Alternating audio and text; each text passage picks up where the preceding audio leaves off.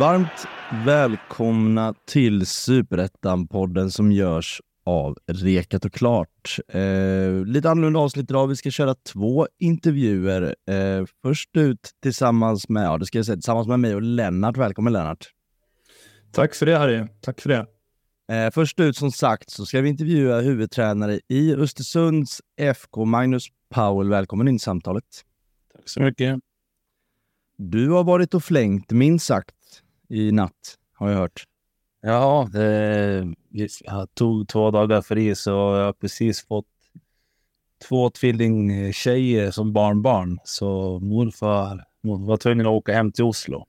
Mm. Så att jag har varit hemma och träffat dem och välkomnade dem till världen. Och sen eh, reste jag upp tillbaka till Östersund klockan tre i natt. Så, så lite trött är jag. Det förstår jag. Det förstår jag verkligen. Ja, vi får passa på att gratulera. Ja, tack så mycket. Ja, men verkligen. Eh, ja, kört från Oslo hela natten. Träning redan eh, ja, nu snart, eller? Ja. ja. Får se när du får din sömn helt enkelt. Ja, det är som vanligt. Vi tar det när, det när det finns plats. Ja, exakt. Är det lite sömn som fotbollstränare i Superettan? Ja, det vill jag väl säga. Inte bara Superettan. Jag tror alla tränare Eh, dygnet har inte nog timmar för att eh, det är alltid uppgifter att göra, alltid individer du vill prata med och agenter som ringer och mejl och det, det är som sagt bara prioritering av tiden som är viktigast. Mm. Jag kan tänka mig att jobbet som tränare i Superettan fördelas li kanske lite mer på dig än vad det gjort om du var i, i England, om man får säga så. Ja, det vill jag anta. Jag tror jag aldrig haft ett så tufft jobb som jag haft här uppe. Här har vi varit väldigt liten tränarstab hela tiden och nu är vi i stort sett jag och Stefan Lundin som är både sportchef och assistent till mig. Så vi, vi delar på de flesta uppgifterna så mm. det är nog att göra.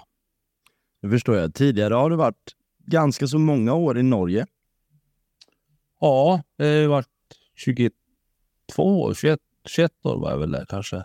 Mm. En liten, eh, litet hopp in i Sverige i Giffarna 2008 då. Mm. 2009. Annars eh, reser jag dit till 2000 och har blivit kvar där. För de som inte känner till dig tillräckligt, hur kommer det sig?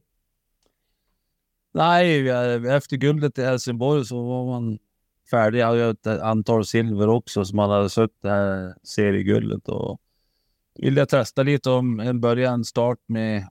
Jag hade Åge Hareide som tränare i Helsingborg, så han rekommenderade mig att, att, gå till en speciell klubb i Norge som han trodde skulle passa bra som första start.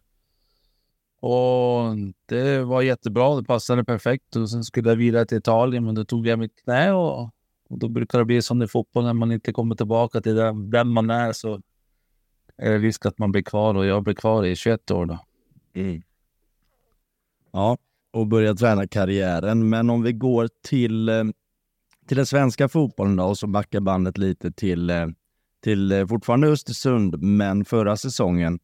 Eh, ni fick kvala för att hålla er kvar. Där löste ni i slutändan nytt kontrakt efter att ha besegrat Falkenberg i ett dubbelmöte. Berätta lite om din eh, första säsong i Östersund. Nej, men det var ju en jätte, jättetuff uppgift. Eh, vi, Stefan tog ju kontakt med mig och eh, jag var då kom upp hit eh, eh, för det sen vi satt och skulle jobba med Amir som var här, varit huvudtränare innan. Vi hade en tuff uppgift och eh, klara att delegera eh, varandra på den uppgiften som var svår. Eh, vi hämtade in 21 spelare så jag tror att vi använde i, i alla fall då dygnets alla timmar på att titta på videor och hämta en trupp. Och det blev ju speglat under hela säsongen egentligen. Eh, att det var det var ingen som hade någon historia, det var ingen som hade någon upplevt någonting tillsammans och de spelare som var kvar här i laget, de hade ju stort sett bara förlorat matcher i två år. Så de hade ju ingen stort självförtroende och skulle som den gruppen som skulle leda de, de nya spelarna. Så det var en extremt tuff uppgift och jag tror jag tror ni aldrig vill ha en sån uppgift någon gång igen nu vidare, för det, det tog så pass mycket så man, man sprang igenom två, tre väggar med bara jobbmässigt för att behålla tron för gruppen och vi, vi jobbade och kom väldigt fort in efter sommaren att vi var tvungna att spela cupfinaler hela tiden och bygga upp det. Och det var bara en lojal spelargrupp som gjorde att vi höll oss kvar. De var otroligt lojala till tankesättet vi önskade jobba och de var lojala. Att de offrade mycket av sin egen familj och vänner och levde i bubblan eh, vecka till vecka. Då. Vi, vi var direkt match var färdig så pratade vi bara om motståndaren nästa och jobbade inför det. Och, och till slut så, så lyckas vi och, och det är otrolig be, bedrift eller otrolig uppgift att klara av. Och, otroligt stolt efteråt och det har vi tagit med oss jättemycket i år som sagt eftersom man var med om som grupp och var med om det vi gjorde i fjol så har man en sorts, sorts tro på det man gör och vi behöll, behöll ju 21 spelare i år kontra att hämta 21 spelare från i fjol. Så två olika ingångar. Mm. Ja, det är svårt det här med Östersund som så nyligen var liksom ett väldigt bra allsvenskt lag och sen är det svårt att förstå vilka förutsättningar de går in med inför en säsong. Men eh, för dig inför den säsongen, var det att visste du redan då att det här kommer bli kämpigt att klara av? Ja, mm. det var vi klara över när Stefan pratade med att vi visste ju den ekonomin på hur mycket vi skulle gå ner i budget. Plus att det vi inte visste om att det blir ännu tuffare var väl att det, det var så många lik i skåpen med olika ekonomiska grejer som vi inte visste om. Som hela tiden kom varje vecka. Så att eh, budgeten blev bara mindre och mindre för varje vecka som gick kändes det som. Mm. Eh, men det är ju klart att rätta till och klubben har jobbat stenhårt från första dagen jag kom och, och vi jobbar fortfarande stenhårt varje dag nu för att komma på riktigt köl. Och det, det, är mycket bra som sker här och jag, jag är här för att det är ett otroligt potential. Det är, fotboll betyder mycket här uppe. Vi må bara som bli folklig igen och bli trovärdig igen och det är det som är varje dags agenda när vi går på jobb. Mm. Hur eh, det sägs ju och skriver, skrivs och pratas ju alltid mycket om Östersund och den ekonomiska situationen och lösningarna man hittar. Hur indragna blir den, ni i den, ni som är tränare och spelare, spelare eller kan ni stänga ut det där helt? Ja, jag, jag tror att spelarna har vi klarat i alla fall att hålla undan. Eh, de, de har inte så mycket mer att göra i det här med att ställa upp på de uppgifter som är. Men eh, hur vi ska få in pengar, det, det är ju sätt som klubben, de som är ansatta, får hantera. Det är inte någonting vi egentligen sitter och gör, utan det här är ju gammal moro som heter Norge. Gamla saker och gamla skulder som ska betalas. Så det är klart det är jätte, jättetuff uppgift för klubben. Men jag är 100% säker på att vi kommer klara att gå igenom det här för att nu drivs klubben på ett helt annat sätt. Och alla som är i klubben här nu, de, de vill vara här. Mm. Vad, eh, om man kan sätta det i någon liksom kontext sådär, vad, vad har ni fått göra avkall på eh, som man kanske normalt borde ha som superettan-klubb. Jag tänker, har ni alla funktioner i ledarstaben? Eller? Nej, vi har inte haft, jag har inte haft en assistent på ett och ett halvt år. Så det är sådana saker man värderar vikten av att ha spelare och, och ett apparat. Och vi har gått ner från tagit bort fysisk tränare från heltid till en liten, liten del bara. Vi har en liten del målvaktstränare också. Så vi har många som jobbar för mindre procent men jobba många, många procent mer och det är väl det hela ingången nu att vi prövar ha, ha både ledarstaben och spelare som yter det lilla extra och gör mer än de ska göra. Så det är klart att det är stor skillnad. Sen har vi prövat hålla allt det sportsliga på, på riktigt sätt med, med resor och hur vi åker dit och för att man ska ändå kunna konkurrera på, på en viss nivå. Men det är klart att vi, vi är jättenoga med att hålla budgetar för spelarlöner och resor och allt sånt. För att just för mig går det på den trovärdighetsgrejen att vi ska inte kliva över några budgetar nu när vi, när vi har problem och ska betala massa pengar som är gamla skulder. Då är det viktigt att vi prövar hålla ner det och sen kan man ha lov att missa i sponsorbudgeter och sånt. Men det är sagt, det är inte våra grejer. Det är, det är vdn och de administrationen. Då, men allting har ju blivit stoppat ner. De var väl 15-16 på administration för två, tre år sedan och nu är de fyra.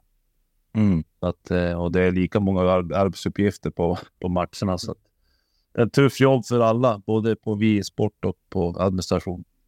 Mm. Som så ofta i superettan. Eh, sen kom ni eller sen besegrade ni Falkenberg som sagt och tog er in på, eller fick väl ledighet och sen gick in på en ny säsong. Eh, hur såg förutsättningarna ut då? Var det 20 nya spelare? Var, kunde man vara lite mer optimistisk inför denna säsong? Ja, men det var vi direkt. Eh, hoppet var ju att så många som möjligt, för vi satt ju många på utgående kontrakt då också, för man, man visste ju inte om klubbens existens var färdig, så det kändes ju dumt att sitta och lura spelarna. Så vi var ju väldigt öppna i varje dialog vi har gått med spelarna och berätta vad som kunde hända ifall vi inte hade klarat det.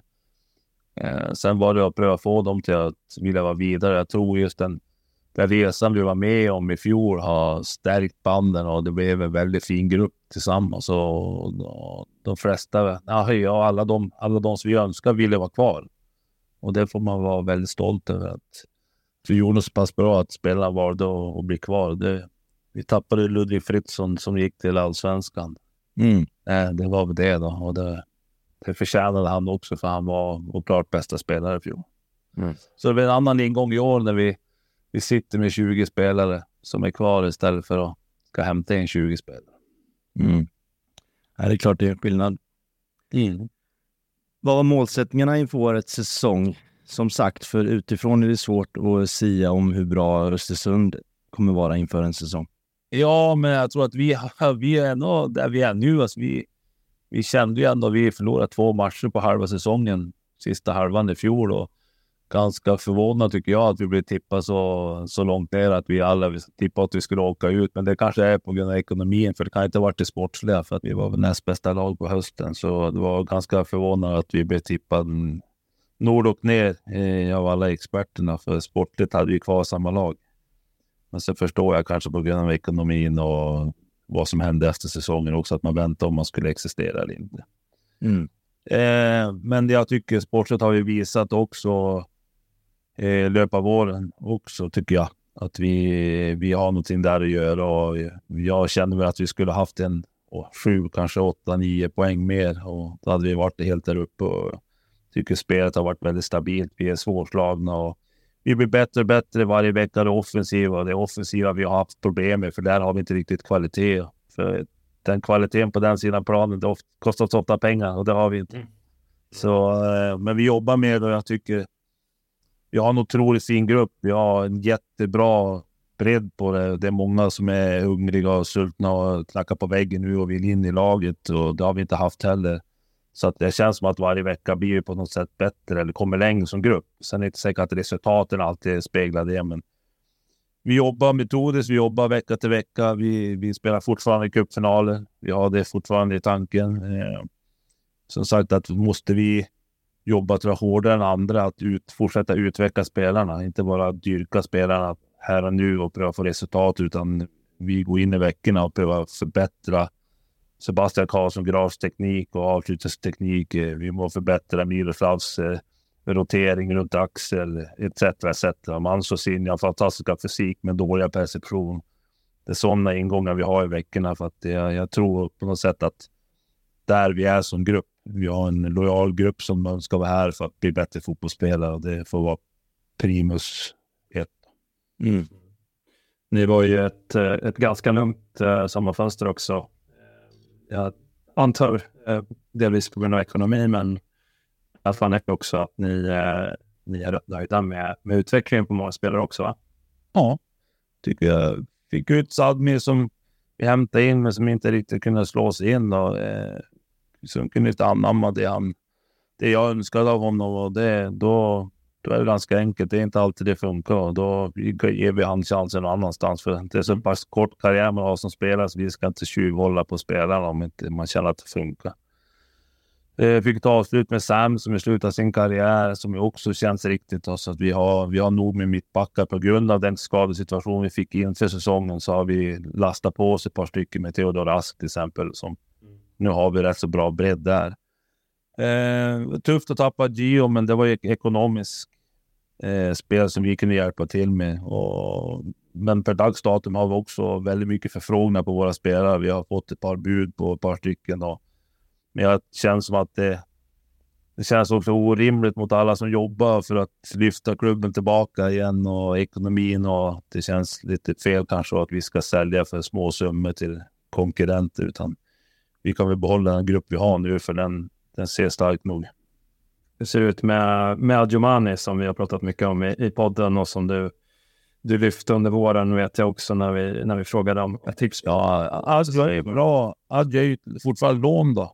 Mm. Vi lånade från Häcken och sen avbröt ju Häcken. De ville inte fortsätta. Så nu lånar vi han från den Elfenbenskustklubben då. Så där känns det ju tufft att vi som Östersunds FK skulle kunna få lösa ut honom där. För jag vet ju lite hur det är med att hämta spelare från afrikanska länderna. De, det är oftast en, en högre, högre summa man önskar. Men klart att eh, han har ju haft enorm framgång hos oss. Så jag hoppas ju fortfarande att kanske klubben där nere ser det och eventuellt låter att vi kan ha honom på ett större vidareförsäljning eller sånt här på centrum. Mm. Så att han får fortsätta. Det får vi lösa senare. Det det är Stefans jobb, inte mitt. Nej, men det finns ingen köpoption? Eh, eh jo, det har vi nog, men jag tror inte vi kan lösa den. Okay. Alltså det... Vi... Så. Inte Det har vi inte chans till. Det är skönt att någonting inte faller på ditt bord i alla fall. Ja, oh ja. Nej, men vi, vi är ganska klara. Det är kul att vi, när vi träningen är färdig och sitter på kontoret, är Stefan chef är min, men när vi är på plan så är det jag som är chef. Så. Vi, har, vi klarar det ganska bra. Vi, vi har ju som sagt jobbat stort sett från 6 på morgonen till 11-12 på kvällen. Så vi har ju beslutat att vi blir sambor också. Så att det var ingen mening vi åkte till varsin lägenhet. Vi kunde lika gärna åka hit och sitta och ta en kaffe och fortsätta prata fotboll. Så, så ni bor ihop? Det är två som jobbar, jobbar mycket ihop och umgås mycket. Så att det, det funkar också jättebra. Men det är tufft, tufft för han. För att det, han, det är tufft att vara både sportchef och han är också lite akademin samt eh, som ska behöva hjälpa mig som assistent. Alltså den assistentrollen är inte något stor, men det är ändå pliktuppfyllande för honom. Då. Så det, han gör en extremt stor jobb. Mm. Men eh, jag ska försöka sluta säcken här lite, men nu är ni ju faktiskt på en väldigt fin tabellplacering. Ni ligger femma och har till och med kvalplatsen inom räckhåll. Är allsvenskan nästan läskigt i och med det här vi pratar om så mycket med ekonomin och, och liksom eh, den stora förändringarna som kommer behöva ske inom organisationen då? Eller vågar man tro på det? Vill man tro på det? Nej, men har man inte tron, det är, då är det ju dumt att ens börja träna i januari. Alltså det är ju någonting där. Men sen tror jag att det är viktigt att man är här och nu. Eh, vi prövar att vara så ärliga och transparenta till spelarna som möjligt på vad som händer. Och jag tycker klubbens strategi nu med och landa i superettan och sen från nästa år kanske känna att man börjar närma sig skuldfri och kan börja ta steg och komma bland de topp sex och sen från 2025, 2026 börja fighta om att gå upp igen. Den tycker jag låter rimlig med situationen som är nu, men sen är det ju fotboll som vi säger. Det kan helt plötsligt bli höst nu och eh, när jag kliver upp på morgonen så är det den tredjeplatsen jag fightar för när jag går på träningen. Så det är så pass ärligt må vara. Mm. Ja, senast mot AFC där eh, kändes som ni slarvade bort eh, tre poäng. Ja, två i alla fall. Mm.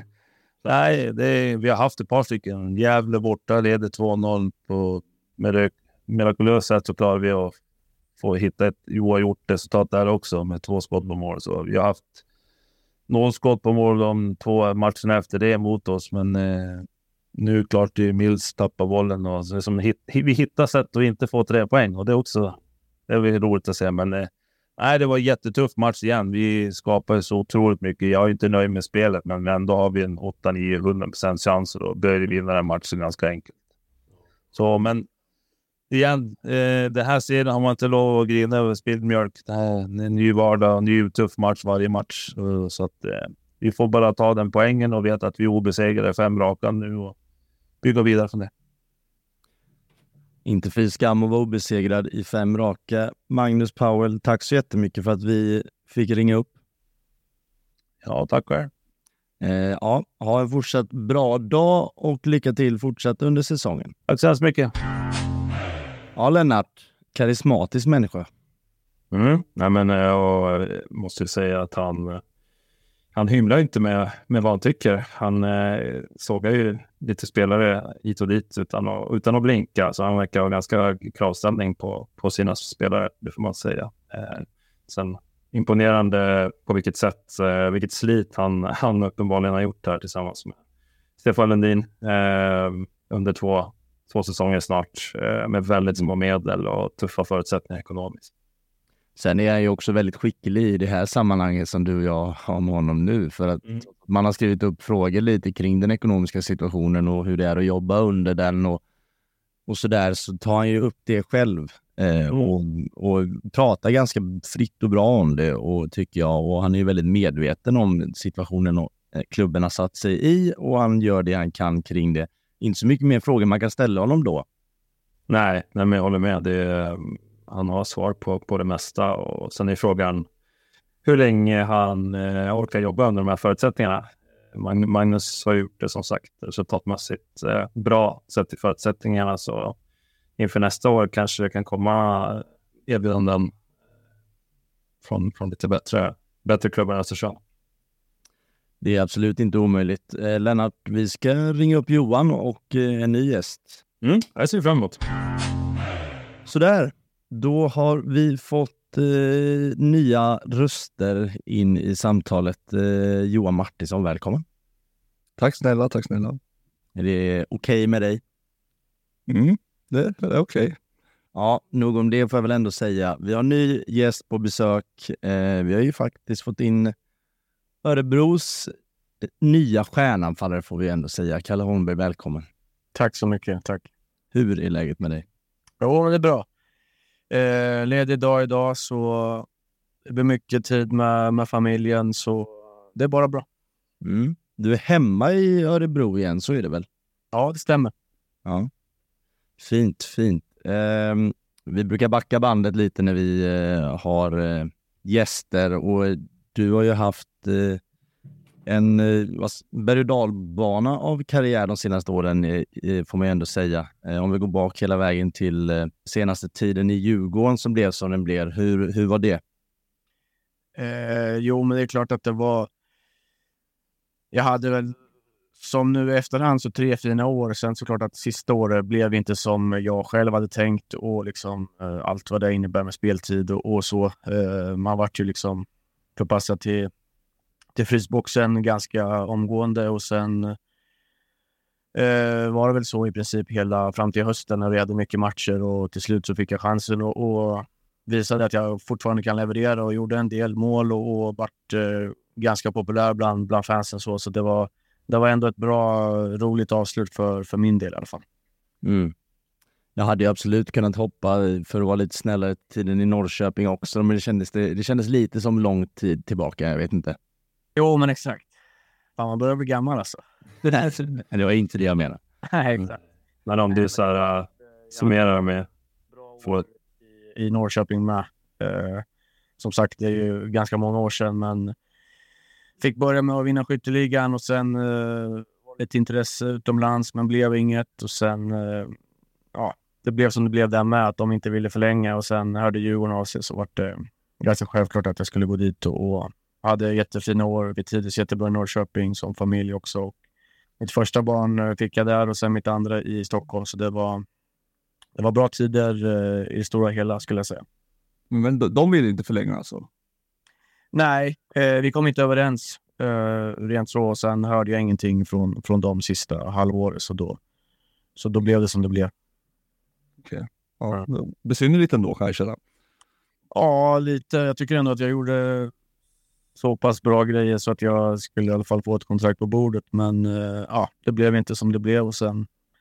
Eh, men det var ändå ett, eh, ett roligt, eller roliga år där, det måste jag säga. Du äh, skrev in det i historieböckerna i, i Djurgården också, ändå, i, med som guldet såklart. Ja, men jag var inte med där. Men just det. Nej, Jag kom ju efteråt. Ja, ah, just det. Det var det. Ja, stämmer.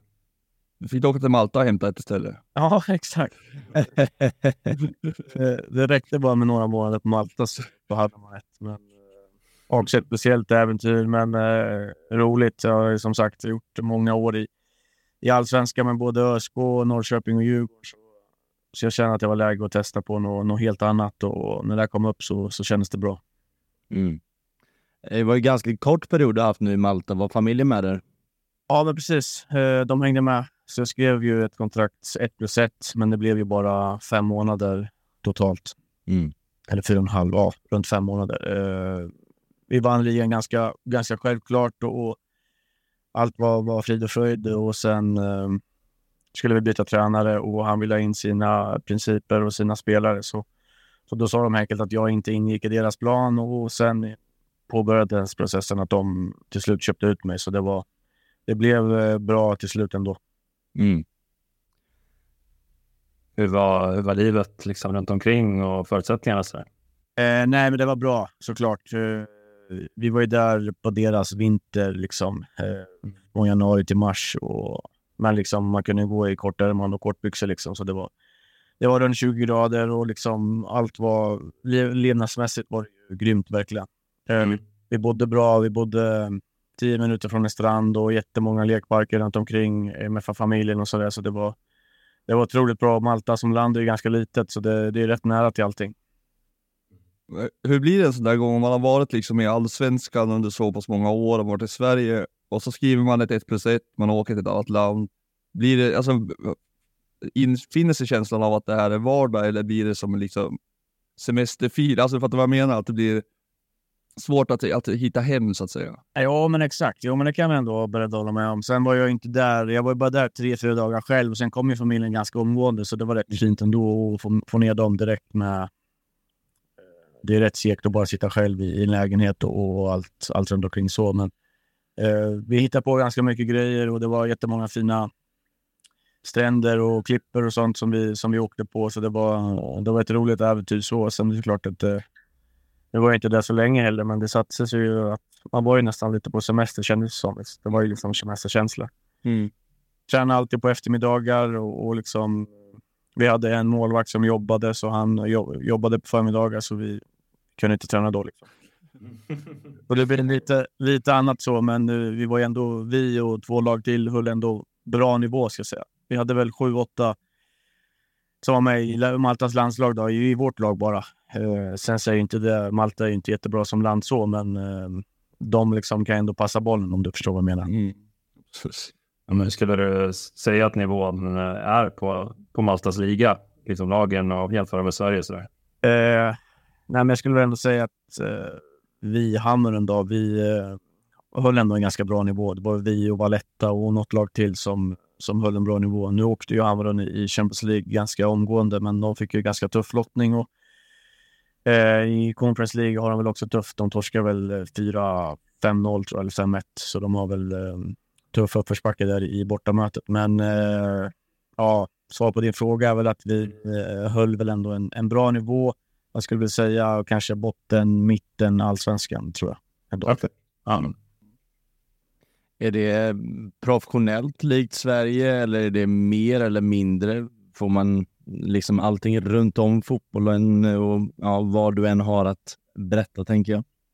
Eh, jo, men det är klart det är speciellt eh, att komma till ett sånt land med man är ändå van med, liksom, eh, framförallt med Djurgården, med, med liksom allt runt omkring, med, med resor och liksom allt, allt runt omkring så. Eh, träningskläder och allting, så det är klart att det är annorlunda. Man, jag tror min första match så, så fick jag ett par shorts i XL. Liksom. De såg ju hur stora ut som helst. Då frågade jag bara om de, om de, kunde, om de hade något mer. Liksom. Nej, man bara, vi har ingenting nu. Du får det nästa match. Så det var liksom allt så liksom, runt omkring är ju speciellt, men det, det får man ändå. Man, man har ändå satt sig in i det att man, det är liksom inte samma som Sverige. Liksom.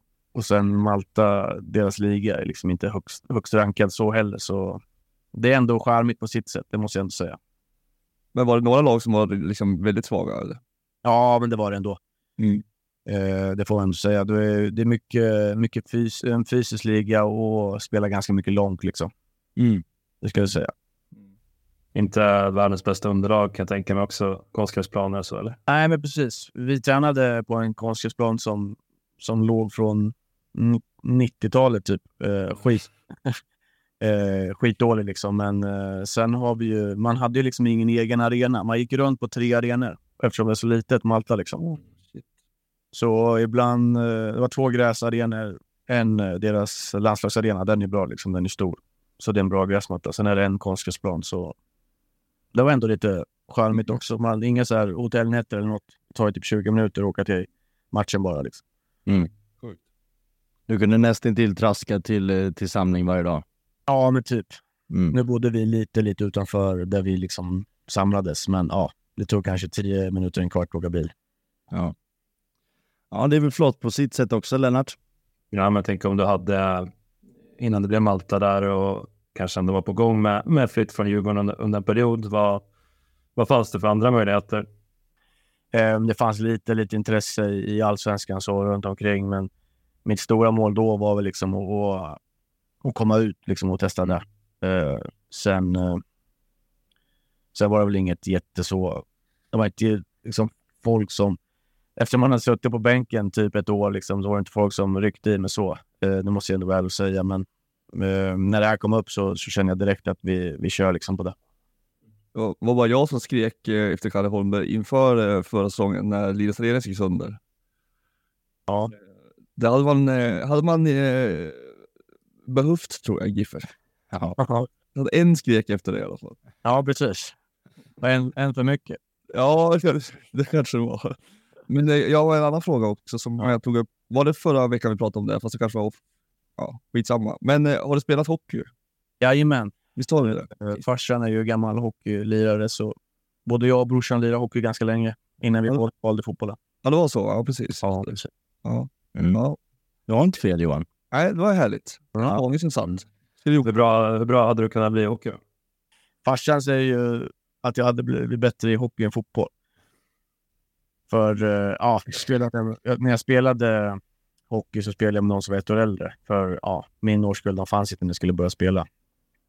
Eh, men eh, ja, jag vet inte riktigt. Nej, du har kommit ganska långt i fotbollen. man Ja, exakt.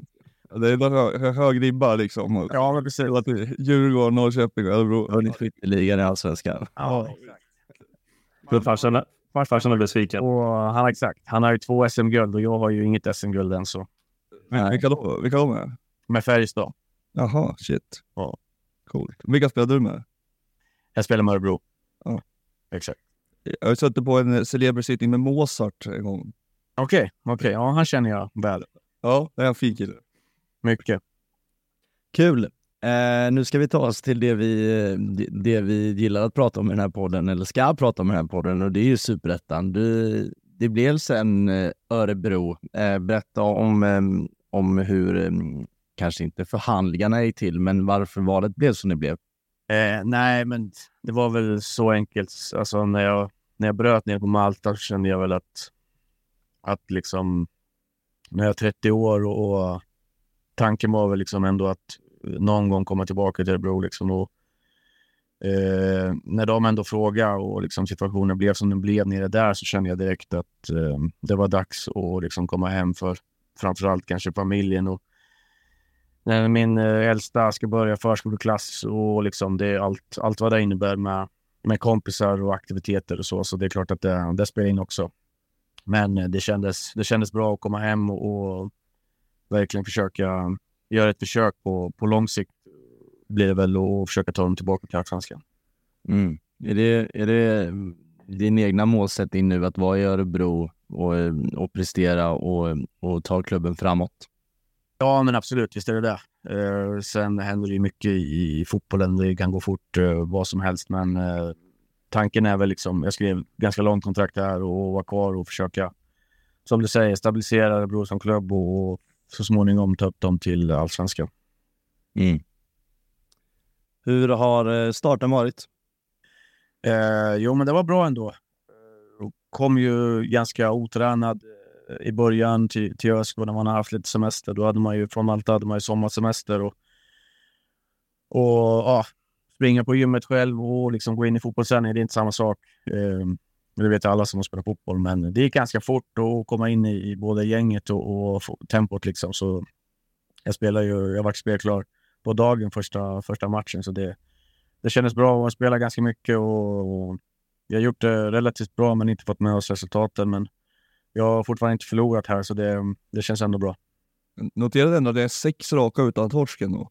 Ja, men precis. Eh, vi har varit ganska stabila överlag men har väl eh, inte hittat det där som vi hittade senast mot Södra, att eh, sätta bollen i nät liksom. Nej, nej precis. Nej, jag förstår. Ehm, nu blev det ju vinst här sist och två uh, baljor måste varit oerhört skönt. Ja, men absolut, såklart. Eh, det behövde vi som lag och, och verkligen för, för hela publiken också. När de kommer ner och stöttar så vill man ge tillbaka till dem också. Så det, det behövde vi och, och alltid, alltid skönt att ge mål eh, såklart. Fin, fin liten chip där efter fem minuter. Bra. Ja, men absolut. Den, eh, den satt bra. Mm. Kron har kommit in och, och bidragit med, med sin speed och, och sin uh, speluppfattning. Så det, det klickade ganska bra första träningen, så det, det känns bra. Var du på rätt sida? Jag hoppas det. Han vinkar ju inte, så förmodligen så, så var det det. Vem bryr sig? ja, exakt. Ja, den såg lite tveksam ut när jag såg den i efterhand. Men... Ja, jag kollade highlights nu. Då bara, ja. kanske offside, men det, det glömmer vi. Ja, absolut. Hur går snacket eh, i Örebro nu? Vad, är, vad vill man åstadkomma i år? Eh, nej, men framför allt att bli ett stabilt lag. Eh, Som jag sa när jag skrev på här, att de flesta lagen slår alla och det är väl egentligen bara två som har stuckit ut eh, och det är de som leder. Liksom. Ehm, så det gäller liksom att, att försöka få lite vinster. Nu har vi inte förlorat, men eh, kryssen kommer inte så långt med. Liksom. Så det gäller, att, det gäller att fortsätta och försöka ta så många segrar som möjligt. Då klättrar man ganska fort. Hur upplever du dissonansen mellan klubb och supporter? Alltså förväntansbilden, eh, har den varit här där, ni, där den ligger? Alltså att man vetat om att man ska slåss för att hänga kvar eller så här, vara ett mittenlag eller? Eh, nu var inte jag här när de satte liksom det i början av säsongen så. Eh, men det är klart att eh, efter fjolåret så, så var väl tanken att bli ett stab stabilt eh, superettanlag och det har vi väl inte lyckats med just nu i alla fall. Eh, när, vi, när vi ändå varit nere i botten ganska, ganska mycket och, och så. Så det är klart att eh, vi måste och, och ska bli ett stabilt lag och sen Får man några segrar så, så har man helt plötsligt känt på, på kvarplatsen. Det är där vi kanske siktar på nu, men som sagt, vi, vi är ju ändå ganska långt ifrån att ta oss upp med tanke på vår säsong. Liksom. Mm. Ja, och sen är det ju superettan så så länge man inte är typ på kval neråt så, så fightas man ju om kval uppåt. Ja, men det är så exakt. Eh, det är tajt alltså. Så det, De flesta lagen slår alla, så det, det gäller att, att försöka vinna så många som möjligt. Är bara lägga ner för mig då eftersom vi halkade ner på kval nu helgen. Ja, du, ja men nu är ändå, vi har ju varit på kval ganska länge, så det går ju fort med vinst. Ja, det gör ju det. Men enligt Harry så kan vi inte gå upp nu. Nej, men vet du vad Johan? Ni har tyvärr inte särskilt mycket chans till att nå den platsen. Det, Åh, fan. det, det. Och så kul när det går in på eh, dissonansen mellan supportrar och, och, eh, och, och lag. Det känns som att du är liksom ett ärkeexempel Johan själv på att liksom aldrig ha samma förväntningar som förmodligen Douglas har. Eh, ja, och Douglas har jag inga bryderier kring. Däremot så kan man ju tycka att det blir svårt när inte föreningen vill gå ut med vad man har för målsättning. Då kan det bli svårt för supportrarna att veta vad målsättningen är. Mm. Lite tips till Gibson framöver. Du hatälskar din klubb, det gör du minst sagt. Det gör jag verkligen. Hur, uh, var det länge sedan du spelade Superettan? Vi kollade upp det, tio år sedan. Ja, exakt. 13 va? Ja, ja till och med det. Exakt. Hur, uh, nej men, eh, sex matcher in så, vad känner du kring nivån eh, på serien? Jo, men det är klart, eh, den är bra liksom. Sen är det ju såklart ett, ett steg upp med, med allsvenskan och, och allt runt omkring blir ju... Man möter storlag och allt sånt där, så blir det ett steg upp. Men eh, det är en bra nivå, men eh, lite kanske svajig. Eh, alla lag slår ju i princip alla. Eh, så det, det gäller att försöka hitta en, en röd tråd liksom och ha ett eget spel liksom. Som eh, anfallare och liksom spjutspets som du verkligen är, är det svårt efter att ha varit väldigt många år på en högre nivå att inte bli frustrerad på att det inte går lika, lika smärtfritt och frenetiskt i de bakre leden? Man har liksom 10, 15, 20 touch som anfallare kanske. Är det jobbigt att laget bakom sig kanske inte håller samma nivå och ger dig samma chanser som du har fått tidigare? No, nej, det skulle jag inte säga. Man anpassar sig ändå till den, den nivån som, som är. Liksom. Och sen är det klart att jag, eh, jag är ju här för att göra mål. Liksom. Så det, det får ju... De bollarna jag får, det är de jag, de jag får. Jag kan inte få några andra bollar. Liksom. Så det, det gäller att anpassa sig ganska bra och försöka hitta de relationerna man behöver på planen framför allt. Och såklart utanför också. Men på planen är där vi ska göra det. Så det, det är väl det jag kan säga. Mm. Det är inte helt ovanligt att man, att man märker att man har spelat hockey när, när man ser det i, in action så att säga. Nej, exakt. Ibland så, så brinner det till lite. Så det, är väl- det, är väl där det, det är väl där det ska göra. Men nu har man ändå växt upp lite och sådär. Så nu har man lite mer så. När man var lite yngre då körde man ju bara överallt. Liksom. Ja, det är älskvärt ändå. Ja. Kanske det, kanske det Örebro har behövt lite också. Det har varit eh, ganska bra spel, men eh, det lilla sista har väl saknats. Jo, men absolut. Så är det väl. Eh, och nu har man ändå varit ute och testat med, eh, med många stora klubbar. Liksom. Vi har mött eh, bra lag med Djurgården och man har fått sina erfarenheter och, och så på, på Europaresan där och det är klart att man behöver ta med det till, eh, till framförallt ett sånt här ungt ÖSK som det är nu och visa att ja, det man har lärt sig och försöka förmedla det. Liksom. är det någon ung spelare som har imponerat extra mycket på dig i ÖSK i år? Uh, ja, det är, alltså, vi har många unga som är bra, men uh, Adam Bark, uh, han kom ju upp när jag, var, och, och när jag lämnade ÖSK. Då kom han upp och tränade, så då var ju han en ett, talang. Liksom. Men han är fortfarande ung och, och har mycket boll i sig och gör det riktigt bra. Mm. Sen tycker jag att vi har många, många unga som kommer upp också som inte liksom är, är spelklara, alltså spel typ från U19 och sådär som, som gör det bra liksom, på träning. Så det, um, det bådar gott. En taskig fråga, men ett utlandsäventyr som, som var ganska kort och jag menar, jag tycker ju fortfarande att man eh, i dagens fotboll i 30-årsåldern är hyfsat ung. Vågar man fortfarande drömma om, om ett nytt sådant eller är det väldigt så fötterna på jorden och jag är här och nu? Eh, ja, en svår fråga som du säger, men det är klart att eh, kommer det rätt liksom så, eh, allt, allt ska klaffa så är det klart att det, det då är man, eh, karriären är liksom inte så lång så då, då kommer man liksom försöka så att, så att det blir av. Men samtidigt som du säger, nu har jag varit utomlands och testat det och tycker det var svinkul, men eh, det varit lite kortare än, än vad jag hade tänkt mig. Men nu har man ändå vi försöker liksom, vi letar hus här och stabiliserar oss i Örebro och allt med familjen, vad det innebär. Så det är klart att det, det ska väl mycket till om, om man ska ut igen. Liksom. Mm. Ja, Johan Lelle, vad, har ni något mer? Jag s- satt och var lite disträ för jag fick inte ihop det med Adam Bark och att han kom upp senast när du var i Örebro. Eh, Han måste ha varit 16 typ, 17. Ja. Ja, Den, då, då fick jag ihop det. mm. Ja, ja men du, Ja, Jag tror det var Axén som tog med han på något träningsläger i Portugal som han hade gjort jättebra och liksom, ja, fick chansen. Så ja, men verkligen. Sen var han i, i Motala en sväng och sen kom han tillbaka för, för något år sedan. Så han har verkligen uh, utvecklats och det, det kommer att bli en bra fotbollsspelare. Jag skulle säga, alltså hur mår ÖSK? Eh, lite positivt redan nu förstås, men eh, jag menar, ni är inte där ni vill vara, varken i tabellen eller serietillhörighet. Hur mår, hur mår klubben idag? Nej, men det är klart att vi har haft det tufft. Uh, framförallt när vi liksom ligger där vi ligger och, och allt, allt runt omkring vad det, vad det innebär. Med. Vi har skört ner på liksom antalet uh, på kansliet också, liksom, så det, det är en mindre förening än när jag var här sist. Liksom. Uh, men det, det är väl normalt, uh, skulle jag säga. Ja, Kalle, eh, nu ska vi prata alla andra matcher och det eh, tänker jag att du kanske inte är eh, toppen intresserad av, så vi, vi, vi tackar så gott. Ja, men tack för att jag fick vara med. Mm. En trevlig liten eh, pratstund med Örebros nya stjärnanfallare som jag kallar honom. Kan jag göra det Johan? Eller? ja, det tycker jag verkligen att du kan göra. Mm. Är det? Lelle, du var inte eh, snäll dubbelt upp. Ena gången så påstår du att han vunnit SM-guld. Ja, men eh, så är det med små barn. Man vaknar på fel sida. Kan alltid skylla på det.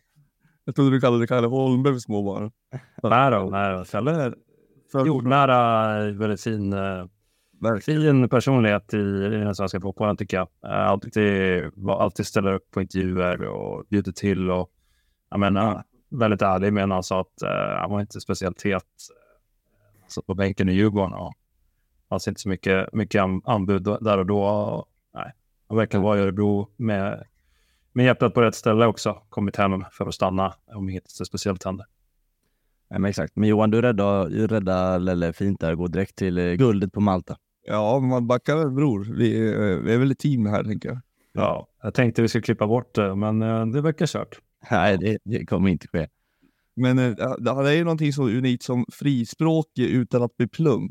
Det är ganska få som bemästrar den. eh, Han och Per Hansson. Ja, ja, det kanske det. Inte exakt samma personlighetstyper kan jag tycka, men Nej, det är de inte.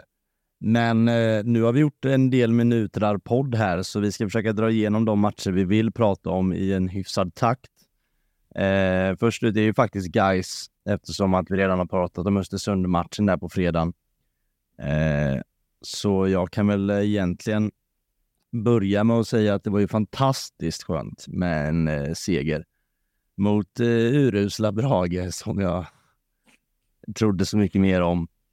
Eh, en, eh, en väl spelad match av eh, guys får man ändå säga. Det, det ska ju börja med att Brage ska ha en straff efter två minuter. Eh, jag vet inte om ni har sett det, men... Eh, Nej, Jo, men den är, den är solklar. Ja, den är faktiskt ganska solklar. Eh, så ja, det var ju tur för oss. Eh, men sen eh, tar guys över och eh, gör mål på sina chanser för en gångs skull och då när de väl gör det är det ju väldigt enkelt att spela fotboll. Eh, Men utöver det, vad var det som skilde guys nu kontra liksom senaste tiden tycker du? Åberg har ju varit fram och tillbaka i startelvan i och med skador och bekymmer. Eh, han var väldigt bra i den här matchen, eh, tycker jag verkligen.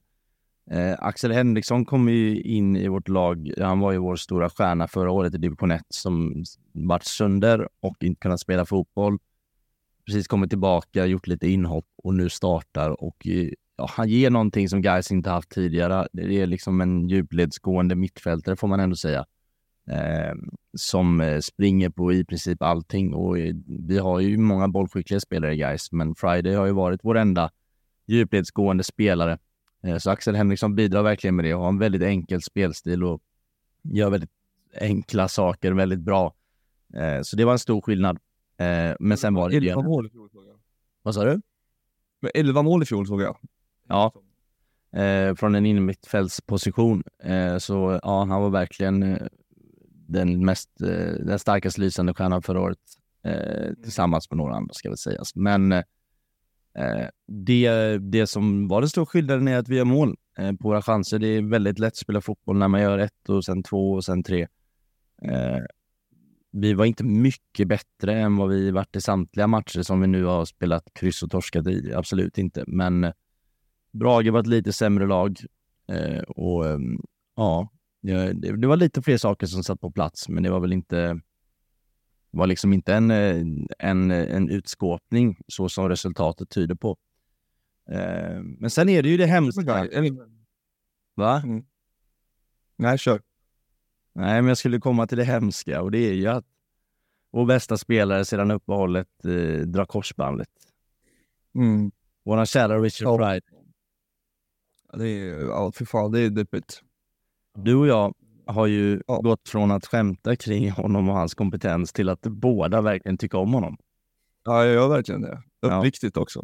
Ja. Eh, tråkigt är det. Men, men jag tänkte säga det om Brage, att det är så konstigt för att jag tycker ibland så ser de faktiskt ut att vara ganska synkade och liksom ha en ganska tydlig spelidé och de ganska fort och de har flera spelare som ändå håller ganska hög nivå. Eh, och så sen kan det bara se så här helt overkligt ut. Mm. Eh, nu ska jag inte säga att den här matchen var det, men ser man nu så deras trend, de har fem raka utan seger nu. De är alltså eh, precis över strecket i kval neråt. Ja. Nej, de kom, guys fick ordning sin press för första gången på väldigt länge som har varit så otroligt eh, framgångsrik under säsongen och förra året. Eh, den var väl lite tillbaks kände jag och, och vi vann väldigt mycket boll väldigt tätt in på att vi tappade den. Samtidigt som att det är något som motståndarlagen känner jag har märkt att liksom har kunnat, har kunnat eh, hantera och lärt sig när de har sett guys under säsongen, vilket Brage inte eh, kunde hantera. Så det var väldigt eh, eh, väldigt framgångsrikt i den här matchen. Jag vet inte med Brage, jag tycker det är svårt. Jag, jag tycker eh, Letzinkam OS som de har där uppe är, har sett jättefin ut. Eh, Mm. Men jag vet inte hur långt det räcker. Vi har ju varit inne på ja. Klebesaren var väl ändå ute med att de skulle vara liksom, att de skulle ta nästa steg och vara på övre halvan. Eh, Nu är man nere i skiten eh, egentligen. Det, eh, undrar hur det tas emot. Vi kanske skulle prata med någon från Brage. Mm, kanske är det dags i nästa vecka. Ja, det är intressant. Att se, man noterar ju också uh, Viktor Frodig är tillbaka i mål. Alltså man har växlat lite på målvaktsposition och eh, nu är Karlberg på bänk. Eh, jag vet inte, det känns som Renastrand är tillbaka. Jag vet inte, det känns som att det som Kleber trodde på till en början har, verkar han ha fått revidera liksom. Och nu är det många av bänkspelarna som startar och vad det nu är så har han inte riktigt fått ordning på, på det Brage vill göra. Nej. Ditt uttal på Kleber var mycket finare än mitt Kleber. jag tror att det är Kleber. Ja, jag tror också det. är något på stå här. Exakt. Lär ju vara Kleber. Ja. Nej, så de, är, de börjar ju hamna i, i uh, riktigt i svårt läge här. Och Landskrona är nästa, så det här är, det är kämpiga veckor uh, för Brage här som behöver ta sig ur den här extremt dåliga trenden. Målvaktsrotation brukar inte vara ett tecken på att uh, allt är helt fridfullt och lugnt. Ja, men exakt. Det är mycket så. Nej, och Landskrona är ju en väldigt liknande trend. Eh, mm. Svårt att sätta fingret på varför de eh, ja, blandar och ger så mycket och nu har det ju sett ganska uselt ut sedan, sedan eh, återstarten. Så ja, det är ju verkligen en av matcherna nästa, nästa vecka som man, eh, som man kommer slänga på. Men du, du sa väl det, tror jag, Harry, jag har för mig att det var du, eh, just att så här, vi kan, man kan tappa en spelare och så kan, nej det kanske var Per Hansson, skitsamma. Men att man kan tappa en spelare i Superettan och eh, att det kan kosta typ så här sju positioner, alltså tabellplaceringar. Ja. Och i Landskronas fall så tappade man ju en ganska bärande spelare får man lugnt säga. Ehm, det kanske påverkar gruppen och man kanske känner lite oro och man tänker, ja, och så blir det inget bra. Och även äh, Melker Widell där ju, som mm. ändå, jag menar, han var otroligt bra i början, talangen som, som gick till Danmark. Men, äh, men sen, jag tror han gav mycket i det här kreativa mittfältsspelet och lugnet med bollen. Ja, man har fått göra lite för många ändringar och, och spelare som har kommit in äh, behöver ju tid på sig och innan de är på samma nivå, om de ens kommer dit. Så ja, det har varit har spelat ett lite högt spel i Landskrona samtidigt som det kanske är pengar som är omöjliga att tacka nej till samtidigt. Mm, ja, jag tror det är verkligen i den sitsen. Vi, var ju, vi har pratat Landskrona tidigare under säsongen och kommit in på de ekonomiska problemen. Sen är det ju återkommande hos varenda jävla superettan-klubb. Men eh, så är det ju. Jag undrar, eh, i Gais fall där och Julius Lindberg på bänken eh, kom in eh, sista halvtimmen och, och gör sista målet. Va? Mm. Hans, hans firande där uh, var ganska modest framför klacken. Mm. Säger det någonting om, om någonting? jag, jag, jag tror, det gör ju det utåt, men jag tror ju från egen del så finns det ingen tanke eller, eller anledning till att det firandet är som det är, för så ser det väldigt ofta ut när han gör mål. Eh, han, han har ingen målgest och han står ofta still. Ibland kan han väl dra upp armarna om det är på hemmaplan och gör mål framför klack och sådär. Men okay. Men han, eh, han gillar inte att fira allt för stort. Eh, ah. Sen är jag på bänken. Eh, det är ju ett ganska stort, eh, stor skillnad till från vad han var för tre, tre månader sedan. Mm. Jag vet att du sa att han hade, alltså vissa belackare hade väl varit så här, då ska han inte spela en minut till för att han gick till Stockholm, eller Göteborgslag. Eh, har det varit från ståplatshåll också, alltså, eh, så att det har nått honom så att säga, eller är det mest på forum och Eh, jag skulle vilja påstå att det mest är på forum, samtidigt tror jag att det når honom. Eh, för att det är ganska många forum det där har diskuterats och ganska mycket. Så att absolut, det når honom. Eh, och jag minns att, eh, jag tror det är första matchen efter att det blev klart, så tror jag att kommentatorn sa det också på Discovery, någonting i stil med att supportrar har gått ut och varit missnöjda med hur det hanterats och sådär. Så jag tror absolut det har nått honom, men det finns ju en andra sida också som är ganska, ja, med liknande storlek som tycker att ja, ja, men du tillhör han oss säsongen ut. Och det var vi väldigt beredda på att så här skulle bli fallet, men att mm. ni, inte skulle komma ut nu redan. Eh, så eh, ja, men, men anledningen till bänken tror jag är så simpel att han inte har presterat de senaste veckorna. Och sen om det beror på den här situationen, ja, det gör det ju säkert, men anledningen till bänken handlar helt enkelt om att Fredrik Holmberg gillar att snurra upp sina spelare och Julius har inte varit tongivande alls i vår offensiv senaste månaden. Mm. Därför kan sitta kvist. Nu vinner vi med 4-0. Sen kommer han in och gör ett mål, men svårt att se att han startar nästa match. Det tror jag inte. Mm. Ja, samtidigt som Friday och Ja, Upp, öppnar ju upp eh, en position åtminstone. ja, nej den parametern tog jag kanske inte riktigt in där när jag, när jag nämnde det. Det är väldigt sant. Du lever i förnekelse. Mm. Men kommer ni ta in någon ny eller tror du? Eller när Friday gick sönder? Jag hoppas ju på det. Jag skickade faktiskt ut en tweet, vilket jag i princip aldrig gör, eh, för eh, någon timma sedan kring eh, en annan gais supporter som, som la ut att Luther Singh, som han heter, som spelade i Gais för eh, sex år sedan, eh, liksom sitter, mot, sitter kvist i Köpenhamn och var utlånad nu nyligen och precis kommit tillbaka och fortsätter sitta kvist. Det är ju en spelare, den bästa spelaren jag sett i Gais eh, de senaste tio åren. Billigt Ja. Om jag tänker som sportchef i, i Gais, eh, alltså de kommer inte behöva betala Fridays lön. Det är Försäkringskassan och eh, försäkringar. Och jag menar, allsvensk kvalplats. Det vore ju pantat att inte ta in en, en Ja. lösning under hösten i alla fall.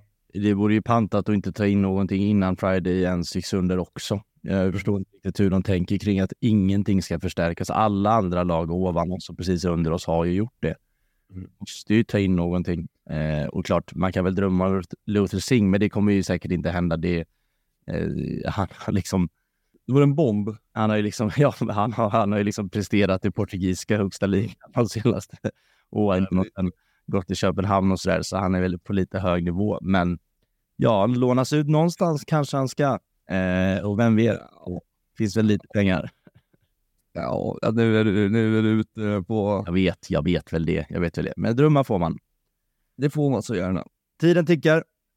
Vi ska till ett annat Göteborgslag. Utsikten tog emot Landskrona och vinner som, eh, som de alltid gör. Eh, fem kassar, kass, kassor, kassar, Kassar. Kassar. fem kassar eh, smäller de in eh, och de slutar inte, slutar inte vara oerhört bra. Inga dåliga mål heller. Men alltså de två som de gör på typ en minut. Vad är det för mål? Ja, det helt sanslöst. ju. Det är Ja, men alltså, minst sagt. trans. De går, jag vet inte, dopingtesta alla. Vad händer? Ja, faktiskt. Ja. Han, ehm, han var tillbaka nu, han eh, Milovanovic, som gjorde cykelsparken där. Eh, han såg ju fin ut, tycker jag. Verkligen. Lite kul att han hade nummer sju ju. Vilket är Karl Boms tröja för två månader sedan. Antingen så har man väldigt, väldigt dålig ekonomi och väldigt få tröjor, eller så säger det någonting om Boms skada. Jag tror det är det förstnämnda. Eh, jag tror bara att det är brist på tröjor.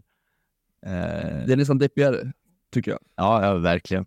Eh, det var en sak jag noterade. Men ja, som ni säger, Milovanovic cykelspark och sen eh, Erik Westermarks missil till volley. Eh, från liksom dålig vinkel och svårt läge. Det är liksom ett inlägg som kommer, men han har ju en eh, försvarare jättetätt intill sig. Det är en ett avslut. Vem, vem, ska säga det då? Vem ska säga det? Du. basten. Fan. Ja. Alltid när han slår en volley på, på bortre stolpen så är det fan basten. Ja. Ja, men det är bara att boka, boka Avenyn. Det här är ju klart. De, är- Ja. de är alldeles för stabila. Ja. De är alldeles för stabila för att tappa det här nu och avståndet är för stort neråt. Eh, Ja, det är, jag kan inte se det hända. Mm. En 500 rikare kommer man vara när säsongen summeras. Det kommer det vara. Mm, det är fint. Det räcker dagfesten som Utsikten ska ha på pizzeria. ja, de behöver inte, de behöver inte boka Poseidon direkt. Det vara så mycket, så mycket em, publik som står där och, och klappar in dem. Var det Häcken hade efter SM-guldet? De stängde typ 22. ja, visst. Chans att vi går hem. ja, fan vad härligt firande.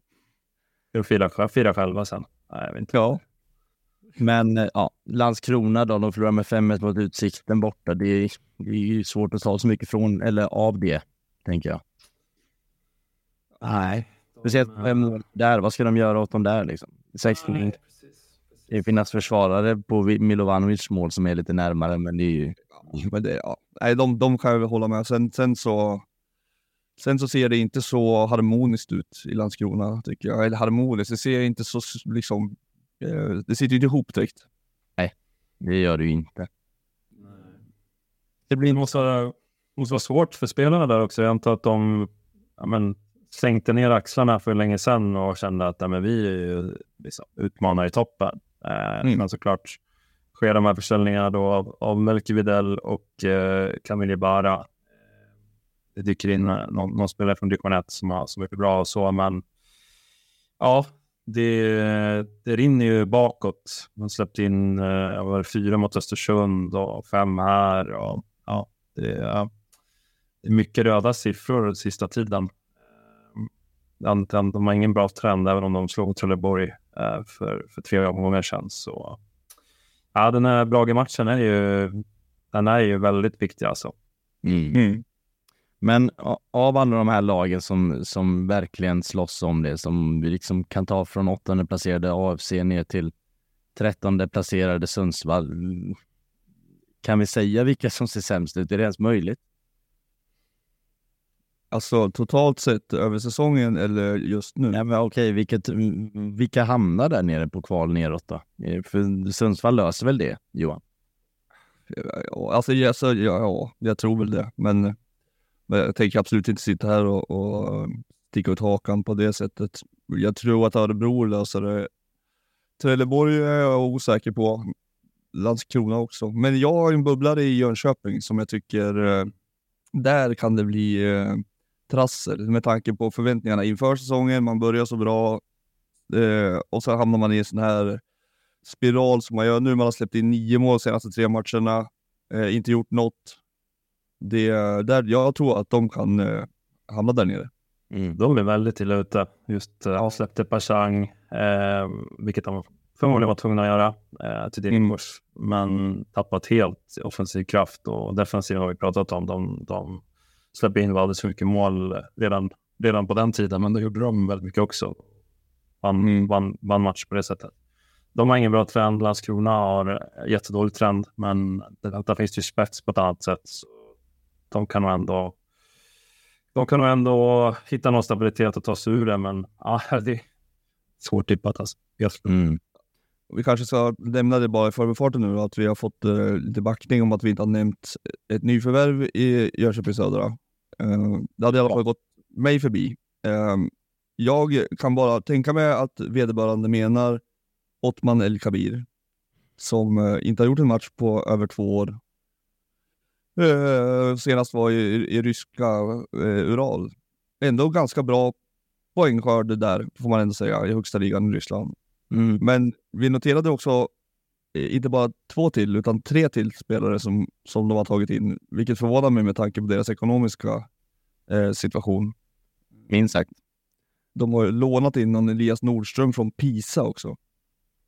Ja, och sen är det Sekovic och Ben Engdahl. Och Mm. ja, min fråga till eh, personen är ju vem man syftar på, men jag tror ju också att, som dig att det är Otman El Kabir och det är ju, vad ska vi säga om honom? Han har inte spelat Nej. fotboll och inte gjort det i Sverige och det, det är svårt.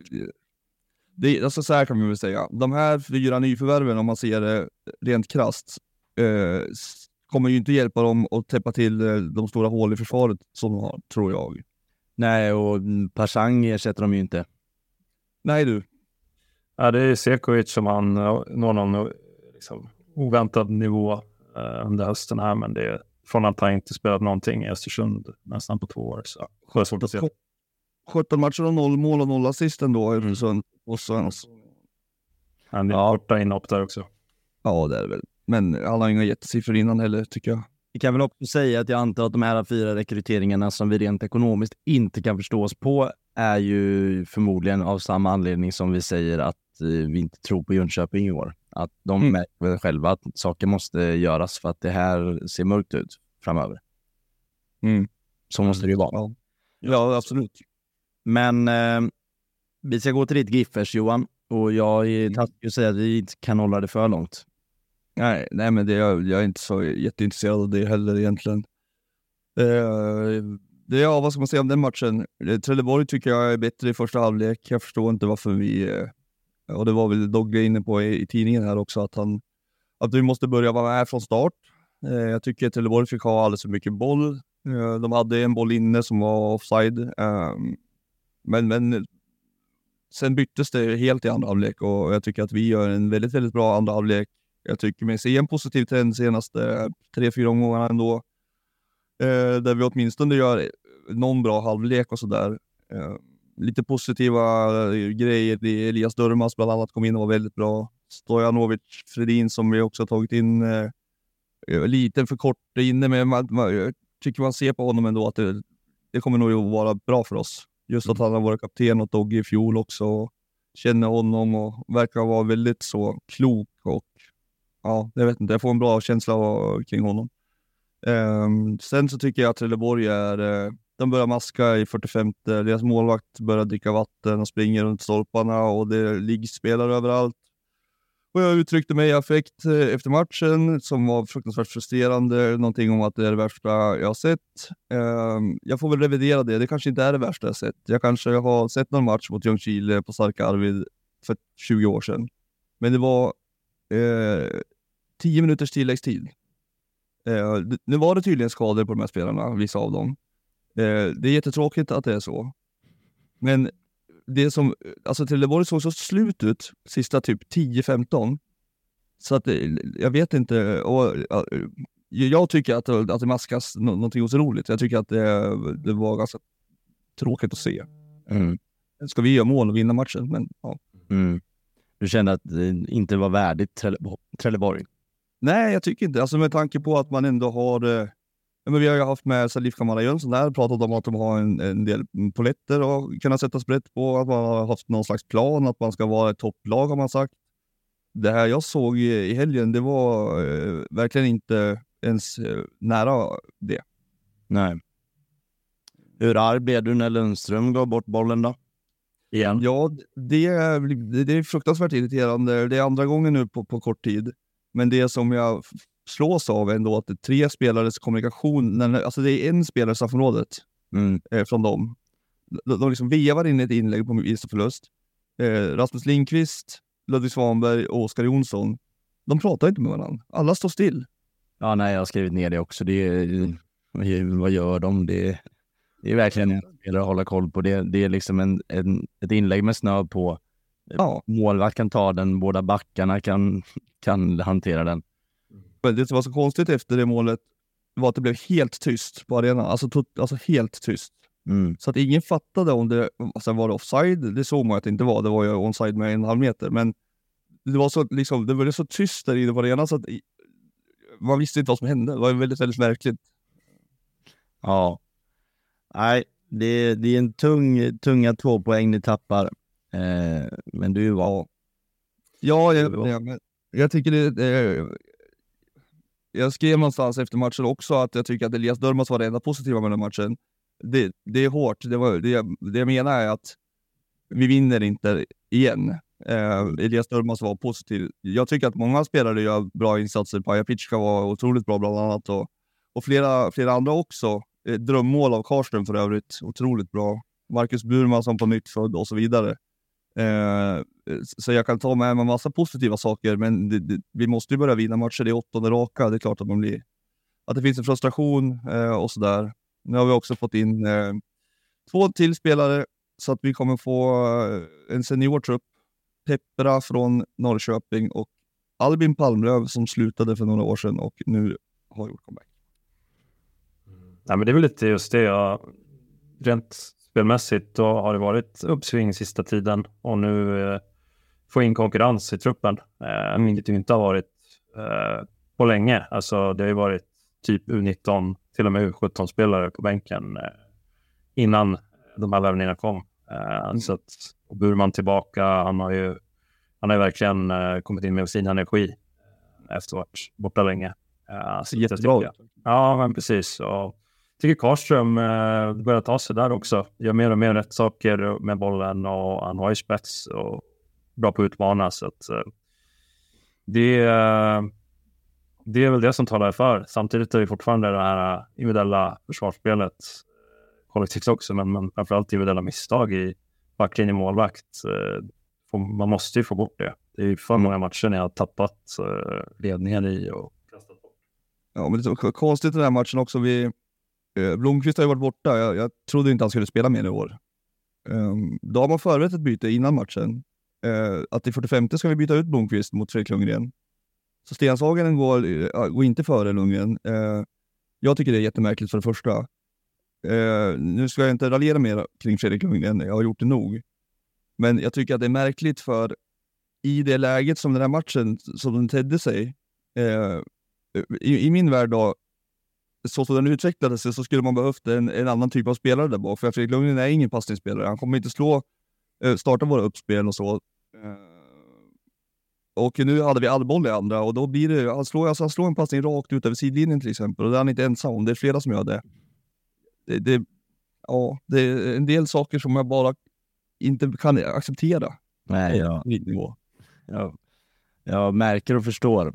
Eh, men jag är ledsen att säga att vi traskar vidare. Ja. Eh, där Öster tog emot Gävle eh, och vi pratade ju om målen i Utsikten som var helt otroliga. Eh, veckans snyggaste görs ju väl ändå här va? Fantastisk frispark här, så det är... Ja, det där är kandidat till årets mål som man brukar slänga sig med. Ja, men frispark, alltså den, den fastnar ju typ i krysset. Ja, nej, det är så mycket krysset så det finns inte och den är ju stenhård också. Det är ju Bergmark Wiberg igen som ja, fortsätter leda den här skytteligan. Mm. Fan vad bra han gör det. Ja, ja, ja den är väldigt bra. Um, jag tycker Gävle fortsätter att imponera med de små resurser de har. Mm. Ja, det kommer inte ens in på det, men det är liksom de som till slut ändå vinner den här matchen. Eh, så, ja. så att Öster är, Öster är väldigt bra i första halvlek, ska göra mål i första halvlek fler, men mm. det vill sig inte och eh, ja, det gör att eh, den här kvalplatsen för ganska många lag är, blir öppnare och öppnare. Så det ska bli intressant att följa det där. Jag har sagt det förr, jag säger det igen, att, att det är ingen slump att Gävle ändå lyckas försvara mot ganska många bra lag. Alltså de, de offrar sig, det är inte, inte alltid helt i synk och det är inte alltid att det ser så jädra liksom, eh, strukturerat ut, men de kastar sig offrar sig och sticker in fötterna och ja, alltså då blir det sådär för Öster. Öster har ju flera chanser där de, där de kanske bör göra mål, men där är någon i Gävle som, som ja, ja. gör det rejält. Vad är det Nils Eriksson på mållinjen där? Mm. Viktigt, viktigt ja. läge. Vet, vad han offrar sig och hur han får en övermål är ju fantastiskt. Ja, Bengtsson har fått in det där. Alltså han har fått in någonting i den här truppen som gör att de ändå sliter för varandra och det, det kommer man nog på. Mm. Ja, men de liknar Östersund på det sättet. Alltså, de är där, vet eh, att vi har kanske inte de skickligaste eh, individuellt, utan det är som ett kollektivt försvarsspel eh, som måste göra det och så tar vi det vi får framåt när det är läge. Det är två hörnmål, vilket visar ju att det är, det är ett sätt att vinna matcher på. Ramschenberg eh, in en boll och sen har du 90 plus 5. Eh, jag vet inte vad Öster sysslar med på det, på det hörnmålet där. Eh, låg i bjudning som, som Kevin Persson, inhopparen, eh, får en tap in på. Så det, det, var väl en, lite av en stöld sett hela matchen, men eh, de, de förtjänar det på så sätt att de, de krigar ju alltid 90 plus tillägg varje match. Det är klart att Öster är bättre, det är, det är inte det jag säger. Men, ja, jag tycker det finns något i Gävles försvarsspel som eh, imponerar. Det gör det. Det gör det verkligen. Eh, det finns någonting i VSKs mentalitet som imponerar också för att släppa in två mål i sista sekunden innan man ska gå på halvlek mot Helsingborg. Eh, det är ju inte, det är inte skönt när man kliver in där på paus. Sen... Eh, Totalt liksom visat intresse. Det, matchbilden talade inte alls för, för att det här skulle hända. Nej, nej, nej. VSK var ju mycket bättre. Mm. och då är det ännu värre att släppa in de där målen. Och ändå vänder man det eh, otroligt starkt. Och sen har man ju Abdi Hakim Ali som både kan slå straffar och raka in bollar eh, i straffområdet. Och vet du vad han kan mer? Han kan nicka. Såg du det i första halvlek? Ja. Han tryckte ner en nick nere vid stolproten typ. Ja, han... Var vi inte inne att han inte kunde nicka? Nej, men ja. Mm. Det är hårt alltså. Oh, vad är det? Riktigt hårt. Hoppade du menar? Ja. Jag ja. det. Eh, kan... det var en bra nick. Bra räddning. Otrolig räddning. Ja, verkligen. Eh, men eh, det är bara som vi sa, det är bara att gratulera VSK och Utsikten. De vägrar förlora, de vägrar tappa poäng. Tappa poäng eh, och de ser otroligt bra ut. Jag menar, det ska inte bli 3-2 i den här matchen. Sen som Helsingborgs supporter kan jag ju tänka mig att när man väl leder 2-0 så tänker man annat. Men eh, ja, VSK är bättre från början till slut. De har gjort ja, väldigt mycket, de har mycket chanser, men eh, vilka, alltså, vilka bra skott det var som inte gick in. Alltså många Ask hade något. Eh, ja, så att, rolig, rolig tanke. Ja, jag, jag, jag noterade bara. Alltså, Simon Johansson har väl något i ribban där och det är Ja. något skott. Ja. Jag tyckte det var, jag vet inte vad det säger, men eh, ingenting det. Men straffen, tycker ni att det är straff? Nej, nej, nej. nej. Nej. Det är klart det inte är Det straff. är svårt att se på den, på den reprisen. Jag drar den i armen, men ja, visst, han känns som han faller lätt. Sen, sen är det ju... Det det är ingen straff. Det, det kan inte vara det. Med tanke på det som jag fick se på idrottsparken i helgen eh, och att vi har fått noll straffar i år så kan det inte vara straff. Det går alltid tillbaka till dig. Nej, men noll, straff, noll straffar har vi fått. Ja, men ni kämpar ju inte heller och slänger in i situationer. Då får man ju straff. Samtidigt är det ju riskabelt försvarsspel. Alltså, han Ja, kommer men- bakifrån eh, på fel sida typ. Ja, men det är ju inte straff. Det är inte någon... Nej, det, jag tycker inte man behöver egentligen snacka bort det. Det är en sån otrolig gratis eh, biljett in i matchen för Vetmo, så där har de ju tur. Men Det för- En fördröjd vissla är det också som, som eh, provocerar lite extra. Nej, jag säger nog att det är straffen.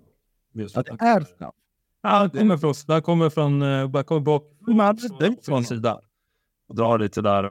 Nej, nej, nej, jag drar ingenting. Han är lite, han är lite så touch på armen som man gör när man springer jämsides. Det finns ingen straff där. Jag säger ändå att det är straff. Ja, nej, det, Ja, ja. det är det sjukaste jag har hört. ja, det är det sjukaste jag har hört också. ja, Ja, men, jag tänker nu. men sen är det ju, ja då vet man ju vad som kommer hända. Ja, Helsingborg ju- är ju mentalt nere i gruvan. Totalt jävla- jag vet inte. Det är sor- sorgligt att se hur de klappar igenom. Eh, Samtidigt som VSK bara maler, maler, maler och till slut så, så kommer öppningarna. Jabir gör ju ett plus ett ska jag säga, så han är självmål där innan också. Mm. Frispark. Det är en jävla frispark av Charlie Weber. Nej, men det, är- samtidigt så det är VSK, VSK i, förtjänar ju att vinna matchen nu efter den såg ut. Så det är ju, ja, är väl inte så mycket att gnälla på, men det, det är ingen straff. Punkt. Eh, sista matchen var eh, Örgryte, tog emot Skövde och eh, där har vi också ett lag som eh, inte går fantastiskt, som heller inte kan göra mål. Eh, och Skövde fortsätter göra skitmål och hörnmål och eh, ja, de krigar på där nere. Ja, ja, det, alltså, ja det, det kanske de gör. Krigar de på. Ja, alltså det är ju inte så att de krigar för, för några tabellplaceringar kanske, men de slår Örgryte här, vilket är ju Ja, ja, mörkt om det- något. Ja, igen, de slog dem i fyra matcher sen också. Ja. Ja, men vad är det för försvarsspel i- återigen? Nej, nej, nej. Det är, det är skräckenjagande verkligen. Ja. Men eh, Isak Bjärkebo har varit väldigt bra tycker jag i Skövde. Och Tagesson i Örgryte. Det är två spelare jag har tänkt på som jag inte har nämnt. Men eh, Bjärkebo är väldigt bra. Mm. Är helt enig. Eh, Det är faktiskt några spelare i Skövde som, man, som kommer att spela i, i alla fall i Superettan nästa år. Det är helt... Ja, ja. Alltså det är absolut inte så att de har eh, rakt igenom urusel trupp så. Det är väl mer att det inte liksom är, eh, ja, att det sitter, sitter ihop har jag sagt många gånger, sjukt nog. Eh, men ja, jag vet inte. Nej. Eh, och Örgryte också gör vi. Det, det, ja, det påminner mycket om ett gammalt Gais det där Örgryte. Eh, Gais som åkte ur Superettan. Men hur många lag som liksom har gått ut och sagt att man ska vara, eller vill vara ett topplag, eller åtminstone har tippat som topplag, har, går dåligt. Det är tusentals känns det som. Mm. Men eh, ja, hallå, du vet ju, vi har ju själva tippat den här tabellen. Det går ju inte. Det är ju några lag man sätter där uppe som kommer där nere. Men, eh, men att Örgryte skulle vara, mm, eller skulle klappa ihop på det sättet de gör i matcher och, ha och vara så otroligt oorganiserade. Det känns som att det liksom, vi har ändå pratat med Åbyn och det kändes liksom som att det var hans, eh, ja, hans filosofi var ju att få ihop den här truppen. Det säger väl alla, men men det finns ju ingen stabilitet där alls och det beror ju mycket på att det är ett helt nytt lag inför den här säsongen och väldigt ny tränare och ja. Ja, exakt. Ny tränare, återigen så, så tycker jag att man har lagt väldigt stor tilltro till att han ska lösa det här på kort tid och så. Alltså han kan ha alla förutsättningar i världen att bli en bra tränare, men eh, ja, jag vet inte det. Nej, men, men du sa att de inte gjorde mål. Eh, Skapar de så mycket chanser? Ja, det, det gjorde de. de. De ska göra mål i den här matchen, så kan man säga. Ja, okej. Ja. Absolut. Eh, inte, inte supermycket chanser, men de ska göra mål. Eh, Kristoffersson har chanser, Paulsson har dubbla skott som är rätt bra lägen och eh, bollen studsar någon gång väldigt nära mållinje och sådär. Jo, men de ska göra mål. Det gör de ju. Drott är på tillägg där. Ja, det är 92 då är det Ja, det är slut. Nej, men jag tycker, jag menar, fått in ändå eh, Kevin Holmén och, och William Dahlström. Så fan, det borde, måste... De borde ha fått ut mer av det, av den här truppen, tycker jag. faktiskt. Mm. Jag tror det finns stor chans för dem att få det också. Alltså, Ja, samtidigt kolla schemat nu. Det är inte så jäkla kul. Östersund som aldrig förlorar eh, och som är typ ett, jag tror ett lag som eh, Örgryte eh, inte alls passar mot. Eh, den här kontringsskickliga. Och sen har Öster borta. Eh, och sen Örebro som är på nytt födda. Ja, det kan ju vara segerlöst minst tre matcher till. Eh, definitivt alltså. mm. Jag har en sista grej bara som, som kommer från våra chatt under veckan. Ja. Som jag tycker, jag tror att det var du Harry. Återigen, det kanske är fel. Mm, det var När jag, visst kan jag säga. Det var inte jag. nej, men när jag sa att Saku Ylätupa ryktades till Giffarna, Mm. då, eh, då var det någon i gruppen som skrev, ha, det har Kalmar dementerat. Ja, det var inte jag.